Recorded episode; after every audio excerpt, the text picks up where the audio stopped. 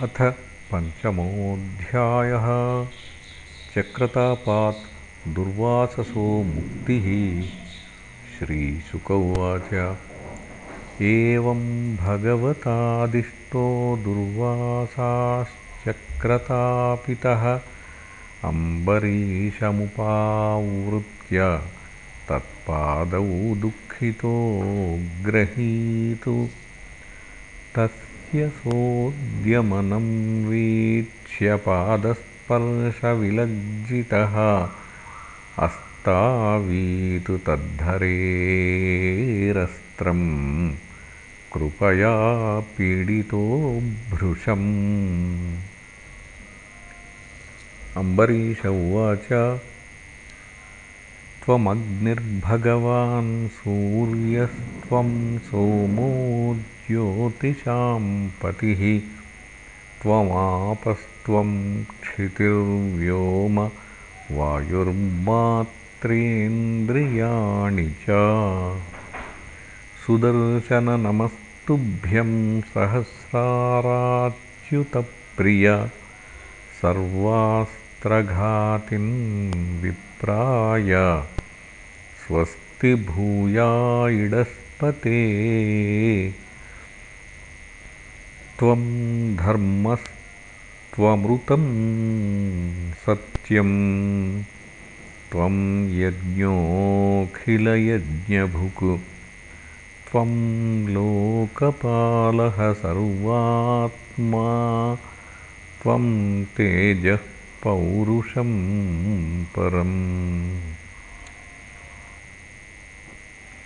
नमः सुनाभाखिलधर्मसेतवे ह्यधर्मशीलासुरधूमकेतवे त्रैलोक्यगोपाय विशुद्धवर्चसे मनोजवायाद्भुतकर्मणे गृणे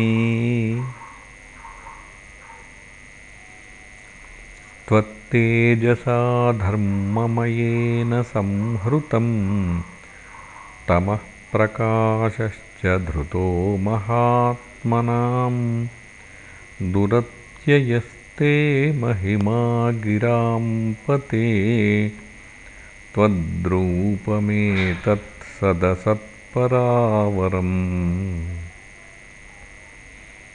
यदा विसृष्टस् त्वमनञ्जनेन वै बलं प्रविष्टोजितदैत्यदानवम् बाहूदरोर्वङ्घ्रिशिरोधराणि वृक्नन्नजस्रं प्रधने विराजसे।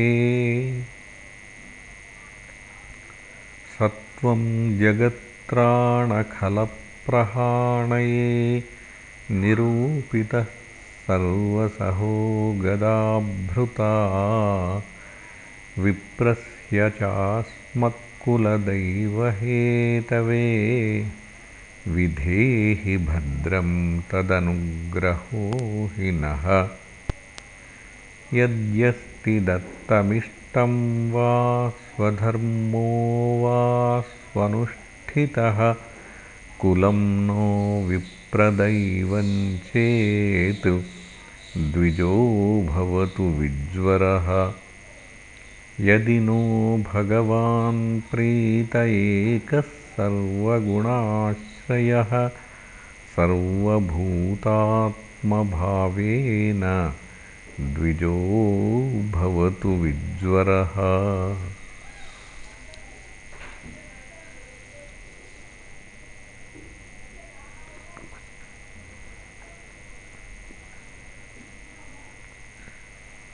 श्रीशुक उवाच इति संस्तुवतो राज्ञो विष्णुचक्रं सुदर्शनम्।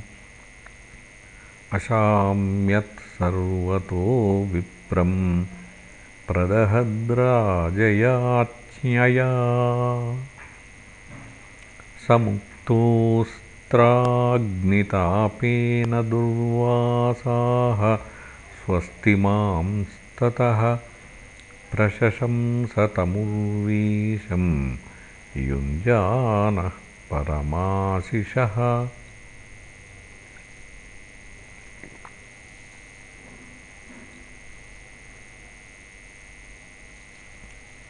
दुर्वासा उवाच अहो अनन्तदासानां महत्त्वं दृष्टमद्य मे कृतागसोऽपि यद्राजन्मङ्गलानि समीहसे। दुष्करः को नु साधूनां दुस्त्यजो वा महात्मनाम्। यैः सङ्गृहीतो भगवान् सात्वतां वृषभो हरिः यन्नामश्रुतिमात्रेण पुमान् भवति निर्मलः। तस्य तीर्थपदः किं वा दासानामवशिष्यते। राजन्ननुगृहीतोऽहं त्वयातिकरुणात्मना मदघं पृष्ठतः कृत्वा प्राणायन्मेऽभिरक्षिताः राजातमकृताहारः प्रत्यागमनकाङ्क्षया चरणावुपसङ्गृह्य प्रसाद्य समभोजयतु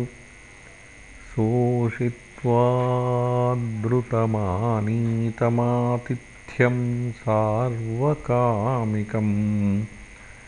तृप्तात्मानृपतिं प्राह भुज्यतामिति सादरम्।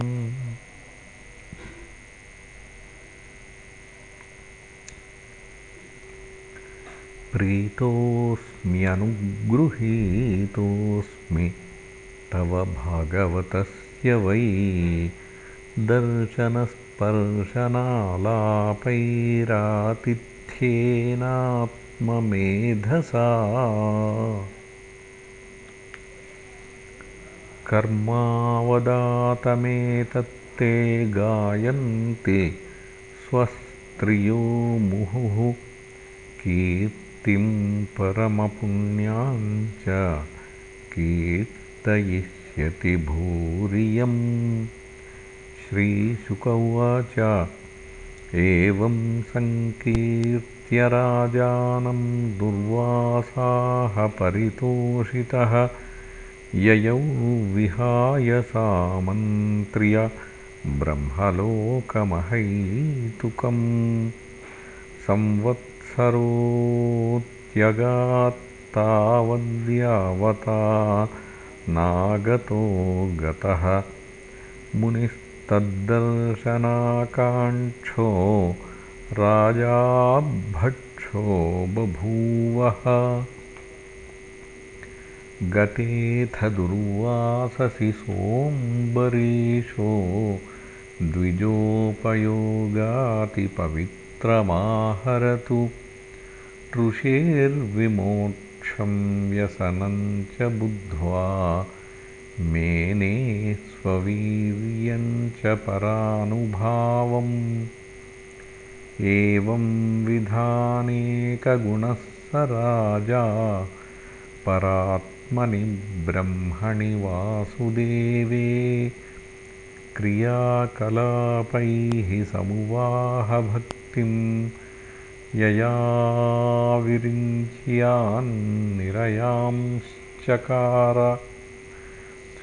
अथाम्बरीशस्तनयेषु राज्यं समानशीलेषु विसृज्य धीरः वनं विवेशात्मनि वासुदेवे मनोदधध्वस्तगुणप्रवाहः इत्येतत्पुण्यमाख्यानमम्बरीशस्य भूपतेः सङ्कीर्तयन्ननुध्यायन् भक्तो भगवतो भवेत्। इति श्रीमद्भागवते महापुराणे पारमहंस्यां संहितायां नवमस्कन्धे पञ्चमोऽध्यायः